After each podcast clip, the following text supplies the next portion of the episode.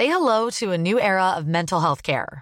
Cerebral is here to help you achieve your mental wellness goals with professional therapy and medication management support. 100% online. You'll experience the all new Cerebral Way, an innovative approach to mental wellness designed around you. You'll get a personalized treatment plan from a therapist, prescriber, or both in a safe and judgment free space. Your cerebral therapist or prescriber will outline a customized plan with clear milestones along the way so you can get to feeling your best. With Cerebral, you're not alone in your mental health journey. We're here to empower you to live a fulfilling life. So take that first step towards a brighter future and sign up today at cerebral.com slash podcast and use code ACasts to get 15% off your first month. Offer only valid on monthly plans. Other exclusions may apply. Offer ends July 31st, 2024. See site for details. Halo pendengar GGMI Podcast, balik lagi bersama kita berdua. Dan telah selesai sudah FIFA Match Day yang menyita waktu dua minggu. Semua fans MU di seluruh dunia karena minggu ini kita kembali menyaksikan setan merah. Tinggal apakah menderita atau tertawa kita lihat di akhir pekan karena tim MU akan mendapati kedatangan tamu spesial suatu tim yang sangat merepotkan sungguh-sungguh kuda hitam yaitu adalah Brighton and Hove Albion yang musim ini di awal kalau nggak salah menang trennya positif. Nanti kita lihat tanya ke Alvin, tapi gimana Vin? Potensi MU melawan Brighton dengan kondisi kita yang serba compang-camping karena kasus dan juga cedera.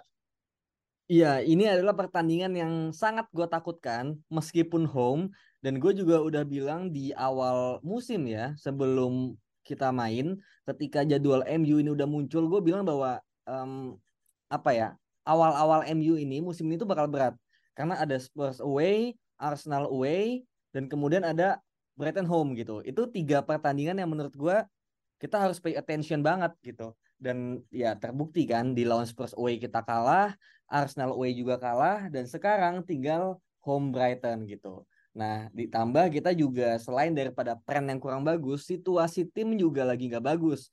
Anthony Sancho masih ini ya apa gonjang ganjing. Kemudian cedera pemain, Mason Mount juga katanya belum begitu fit, Amrabat kita nggak tahu gimana, udah fit atau belum, dan katanya terakhir Lisandro Martinez katanya diragukan gitu. Nah ini kalau Lisandro Martinez diragukan, berarti kan backnya bakal Maguire sama Lindelof. Yang mana Maguire ini juga lagi dibully banget sampai dibelain nyokapnya gitu di iya. Instagram gitu. Jadi kayak ini tim tuh problemnya banyak banget gitu, nggak cuma dalam lapangan tapi luar lapangan juga. Jadi ini pertandingan yang ya kita hanya bisa berharap sih nontonnya.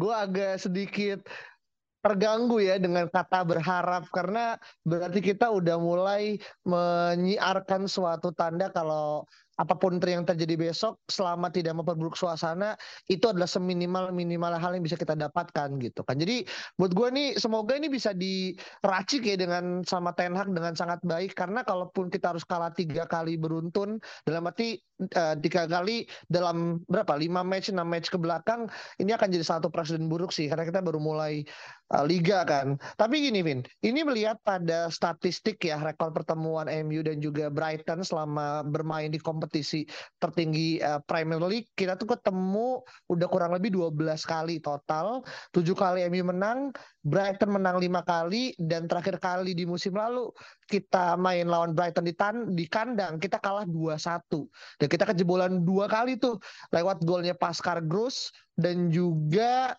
golnya eh dua kali Pascal Gross dan kita cuma menang satu datang dari golnya Alexis McAllister yang sekarang udah nggak ada gitu kan. Nah melihat komposisi yang mungkin kita punya catatan buruk ya dan juga kita tahu bagaimana Zerbi ini serba bisa menturk situasi di mana dia udah kehilangan Casado, dia mungkin datangin pemain yang bisa dibilang orang coming from nowhere, tapi dengan cara permainan dia tuh Brighton disulap jadi klub yang bisa dibilang siap untuk bahkan menggoyah papan atas gitu. Karena lihatnya besok situasi apa yang akan Brighton mainkan untuk lawan MU, Vin?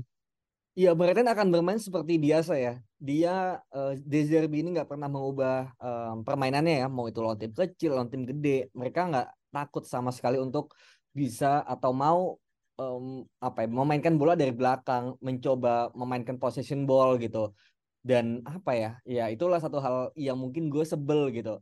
Kalau Brighton kok kayaknya gampang banget nih ganti pelatihnya di awal-awal musim ya. Setelah musim berjalan, pemainnya sama tapi mainnya bisa bagus gitu. Sedangkan kita udah dua musim kedua tapi kok kayak apa ya? Kita masih kesulitan gitu buat build up gitu. Jadi kayak apa iya pemain-pemain kita ini back-backnya terutama ini pada nggak bisa gitu bermain dengan struktur yang baik sedangkan Brighton ini bisa gitu padahal pemain itu pas-pasan semua kan gitu nggak bukan bukan yang uh, tim kelas dunia lah kasarnya gitu pemain-pemainnya gitu jadi um, sangat bisa terlihat bahwa nantinya itu Brighton bakal bermain bola dari belakang mencoba build up kipernya juga kemungkinan si ini ya kiper barunya ya si apa Verbruggen ya yang tadinya kita ya. mau ikat juga kan gitu. Jadinya um, gue melihat kita MU yang bakal bermain jauh lebih reaktif dan mengincar pressing dan juga counter attack gitu. Dan ini juga dibuktikan ketika uh, kita lawan Brighton juga ya kemarin di away, kemudian di FA Cup gitu. Bagaimana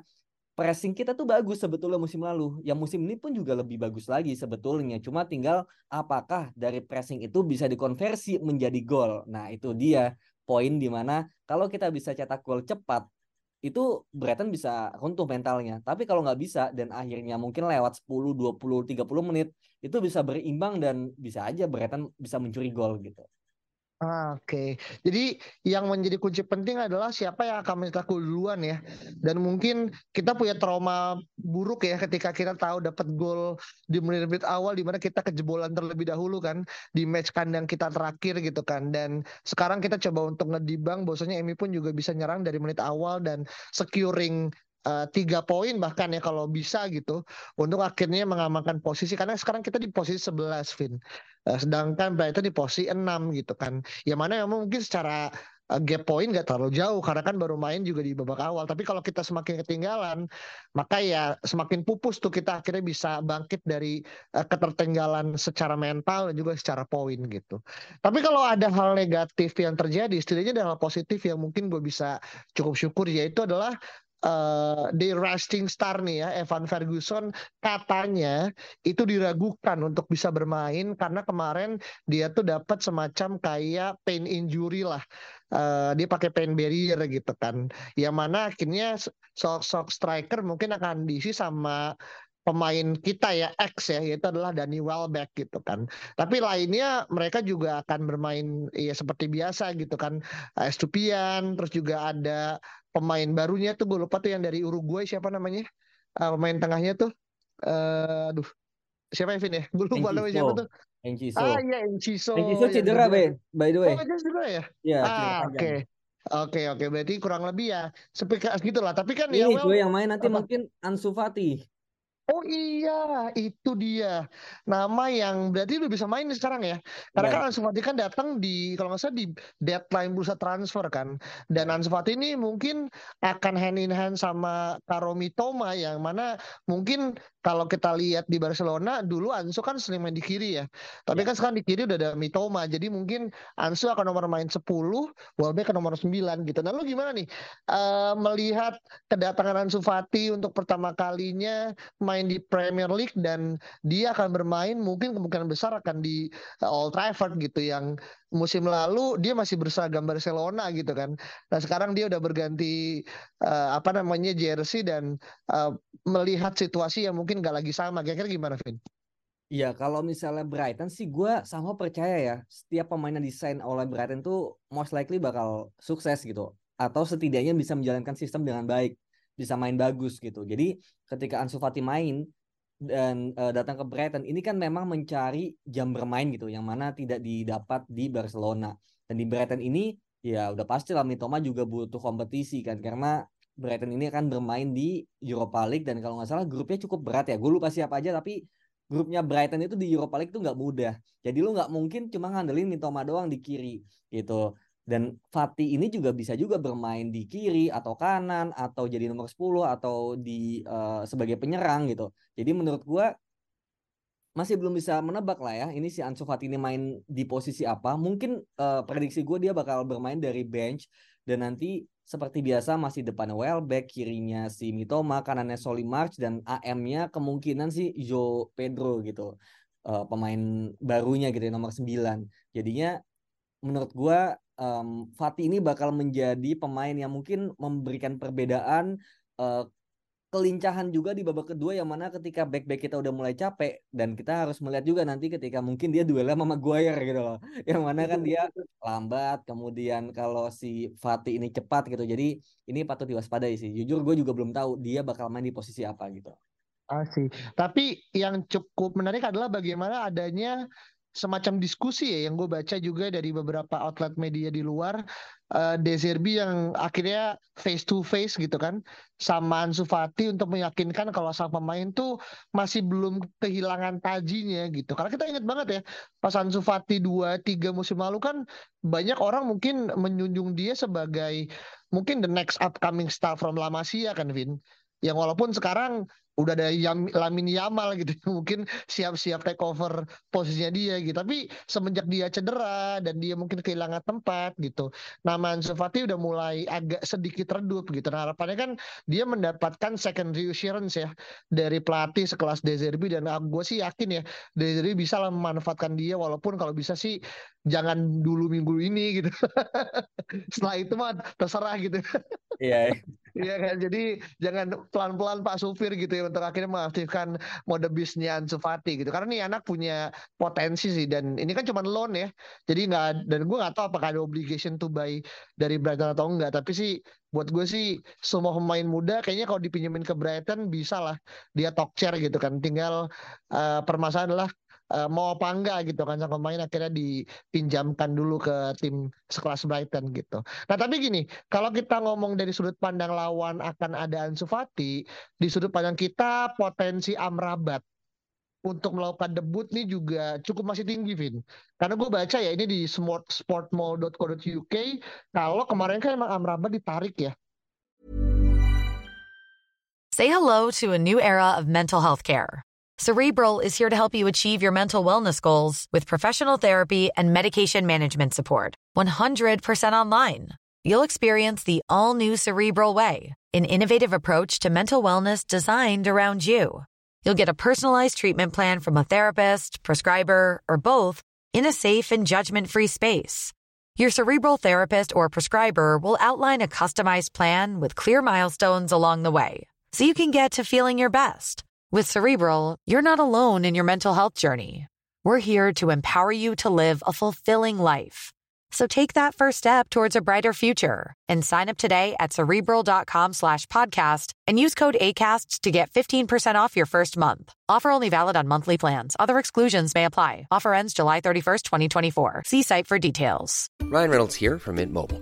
With the price of just about everything going up during inflation, we thought we'd bring our prices down. So to help us, we brought in a reverse auctioneer, which is apparently a thing.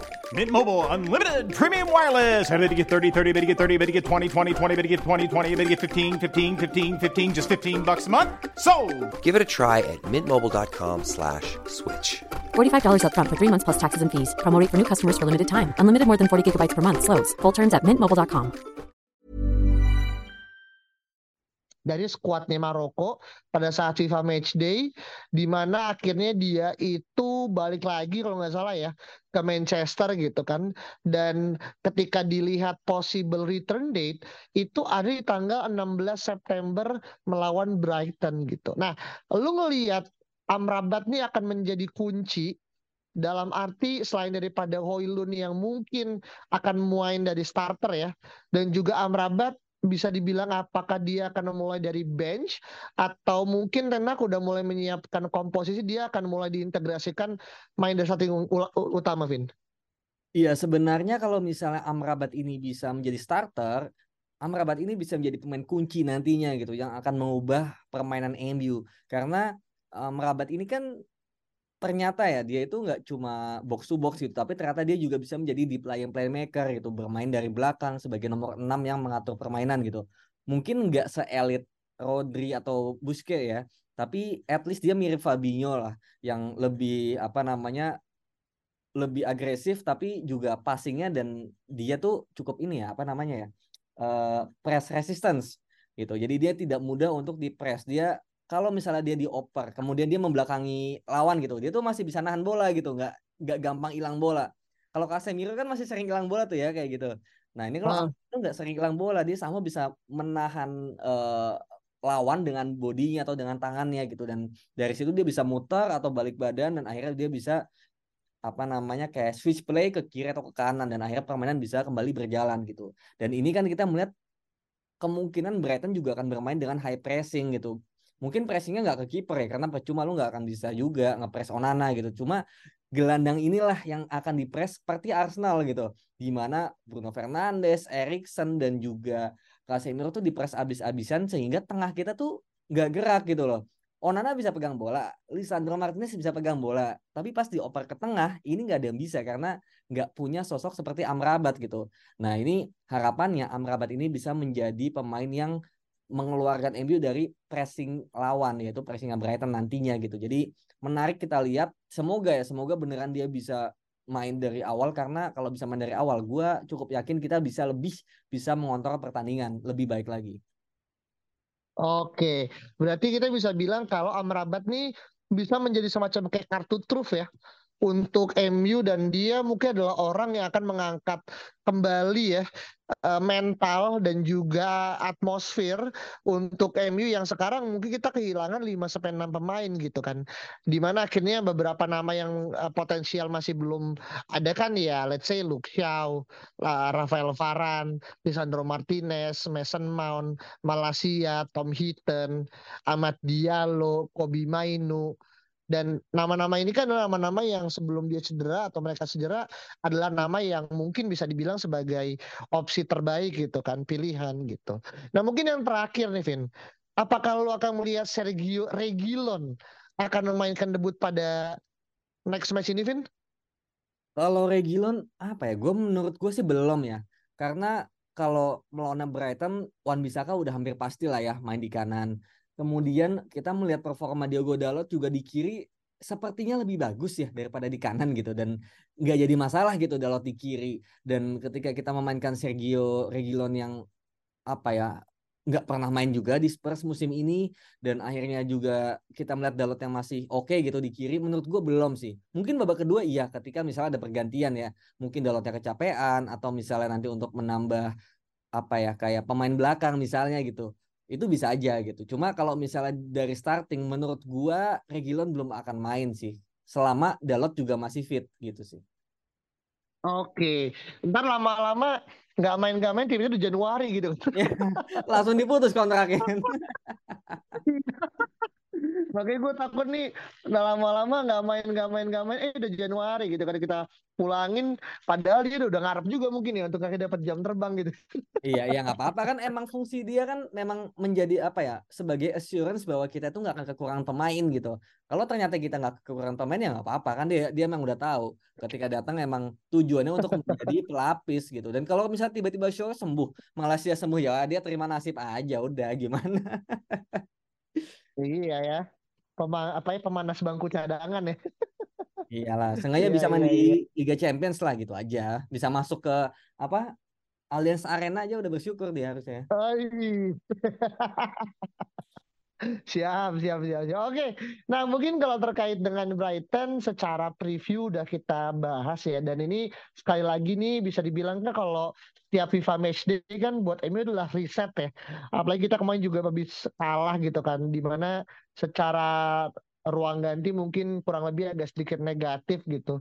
Nggak cuma sekedar hasil, tapi juga berita-berita di luar lapangan yang itu juga belum dipaparkan dari ini ya harga stoknya. MU ya Vin ya. Saham MU yang akhirnya turun ya. Gara-gara ya akumulasi lah dari gagal jual dari kalah gitu kan. Ditambah juga kasus ya. Udahlah nih perfect lah. Untuk akhirnya kalau misalkan nanti MU kalah di akhir pekan gue sih cukup yakin aroma Ten Hag out akan semakin uh, ramai ya keluar gitu kan dan menggema di uh, jaga sosial media. Tapi kita lihat aja nanti Satu lagi, terkait Bro. dengan Iya gimana bro? Satu Silakan lagi. bro. Iya, satu lagi. Em, sisi kanan kita kan nggak jelas nih siapa nih, sayap kanan. Nah, ini Iya. menurut tuh siapa yang akan bermain di kanan nih? Dan efeknya apa ke tim gitu?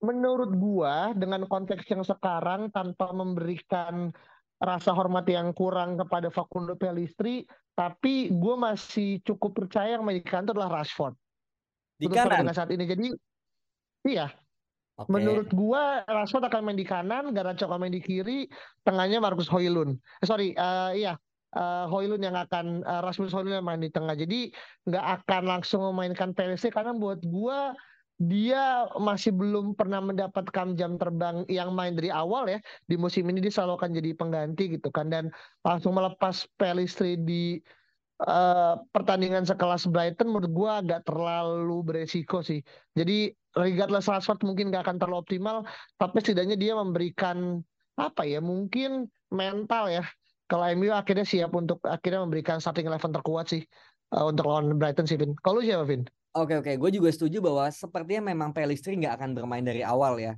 Tapi kalau menurut gue sih nggak akan Rashford juga di kanan karena udah jelas Boleh. Rashford ini bagusnya tuh di kiri gitu. Main Iya penyerang aja dia marah gitu kan, bukan marah ya, tapi nggak perform apalagi di kanan gitu. Jadi emang agak limited ya posisi dia tuh bagusnya di kiri doang gitu. Dan Garnacho lagi-lagi nantinya akan menjadi super sub babak kedua. Nah kanannya menurut gue gitu, meskipun gue juga bukan big fan of this ya dan nggak juga gitu apa namanya banyak nggak bekerja juga cuma menurut gua ya Bruno Fernandes yang akan di kanan gitu loh ini udah pilihan yang paling apa ya paling make sense lah gitu kalau misalnya bukan Bruno Fernandes mungkin Mason Mount gitu. Cuma kan Mason Mount ini belum fit ya. Jadi menurut gua bakal Bruno yang di kanan kemudian tengahnya nanti Amrabat. Semoga gue masih punya feeling Amrabat bakal bisa main ya. Amrabat Casemiro dan juga Erikson gitu. Karena kita tetap butuh pemain kreatif di tengah gitu. Jadi nantinya mungkin Bruno juga bakal kita lihat Bruno di mana? Portugal kemarin banyak crossing dari kanan kan? Dan Iya. itu sangat-sangat bagus ada umpan Trivela dari kanan ke Gonzalo Inacio yang kita juga sering incar ya dulu ya kita bahas-bahas juga ya Gonzalo Inacio gitu jadinya menurut gua kalau kita bisa memberikan kebebasan atau bisa nge-free uh, membebaskan Bruno untuk melakukan crossing di kanan dan ternyata tujuannya aja adalah Rasmus Højlund gitu. Nah, ini kan menarik gitu. Kita lihat apakah umpannya bisa tepat sasaran dan apakah nanti Højlund juga bisa memanfaatkan hal itu dengan baik menjadi gol gitu sih kalau menurut gue. Hmm, menarik, menarik terkait dengan siapa yang akan ditempatkan di sayap kanan. Tapi melihat pada pertandingan eh, Portugal ya yang menang kalau nggak salah 9-0 ya, Iya, iya. iya sih? Iya kan? Melawan apa sih? Georgia ya? Luxembourg. Oh, sorry, Luxembourg ya. Dan Luxembourg bukan negara pertama yang akhirnya kita lihat dia kalah dengan skor besar gitu kan. Eh, di udah di beberapa match lalu kan juga sering dia kalah dengan skor besar. Bahkan yang bilang tuh gue di Twitter Luxembourg tuh adalah Timor Leste-nya Eropa gitu. Walaupun mungkin gak apple to apple, cuman itu sebagai analogi aja gitu kan ya. Jadi semoga itu meningkatkan moral ya buat uh, Bruno Fernandes dan juga Diogo Dalot. Gue nggak tahu Diogo Dalot main apa enggak ya. Cuman pas Inggris sih pas lawan Scotland Rashford main ya. Dan juga Ya. pas lawan siapa sebenarnya juga main juga. Jadi uh, ya beberapa dalam performa terbaik lah untuk akhirnya bisa kembali dan nanti akan jadi starting segala Ya, dan macam. dan terakhir lu yakin gak MU menang lawan Brighton? Kalau yakin, gue cukup yakin kalau kita bisa untuk mendapatkan hasil positif ya. Karena kenapa? Karena gue selalu percaya kadang pada momen-momen tertentu Ten Hag bisa membalikan keadaan aja sih. Kayak musim lalu pun juga di awal kan walaupun kita terpincang-pincang pas tiba-tiba lawan Liverpool kita akhirnya bisa menang. Walaupun tentu ya nggak bisa apple to apple, tapi gue ngelihat kasusnya nih Brighton ini adalah Liverpool Liverpoolnya kita di musim lalu. Menurut gue gitu sih. Hmm, oke oke oke. Ya ya. Mm-mm. Ya gue juga yakin Iya kan? menang, masih yakin menang tapi apa ya berdarah-darah lah kasarnya gitu ya. Gitu, dan mungkin agak-agak oportunis nanti cara menangnya gitu. Cuma ya ya Hmm. inilah MU sekarang dengan compang-campingnya sepertinya emang prosesnya seperti ini sih. Iya, kita lalui aja. Karena berharap ada perubahan tentu tidak akan mungkin karena bursa transfer udah tutup dan yang ada kita mungkin melego pemain bukan kita mendatangkan pemain ya karena udah nggak bisa gitu. Jadi kalau teman-teman punya pendapat berbeda silahkan tulis aja di Twitter kita di @ggmipodcast. Jangan lupa kasih bintang 5 dan share episode ini dan tentu jangan lupa untuk pantengin terus uh, GGMI Podcast di next episode. Bye bye. The number one selling product of its kind with over 20 years of research and innovation. Botox Cosmetic, out toxin A, is a prescription medicine used to temporarily make moderate to severe frown lines, crow's feet, and forehead lines look better in adults. Effects of Botox Cosmetic may spread hours to weeks after injection, causing serious symptoms. Alert your doctor right away as difficulty swallowing, speaking, breathing, eye problems, or muscle weakness may be a sign of a life threatening condition. Patients with these conditions before injection are at highest risk. Don't receive Botox Cosmetic if you have a skin infection. Side effects may include allergic reactions, injection site pain, headache, eyebrow and eyelid drooping, and eyelid swelling. Allergic reactions can include rash, welts, asthma symptoms, and dizziness. Tell your doctor about medical history, muscle or nerve conditions including ALS or Lou Gehrig's disease, myasthenia gravis, or Lambert-Eaton syndrome and medications, including botulinum toxins, as these may increase the risk of serious side effects. For full safety information, visit BotoxCosmetic.com or call 877-351-0300. See for yourself at BotoxCosmetic.com.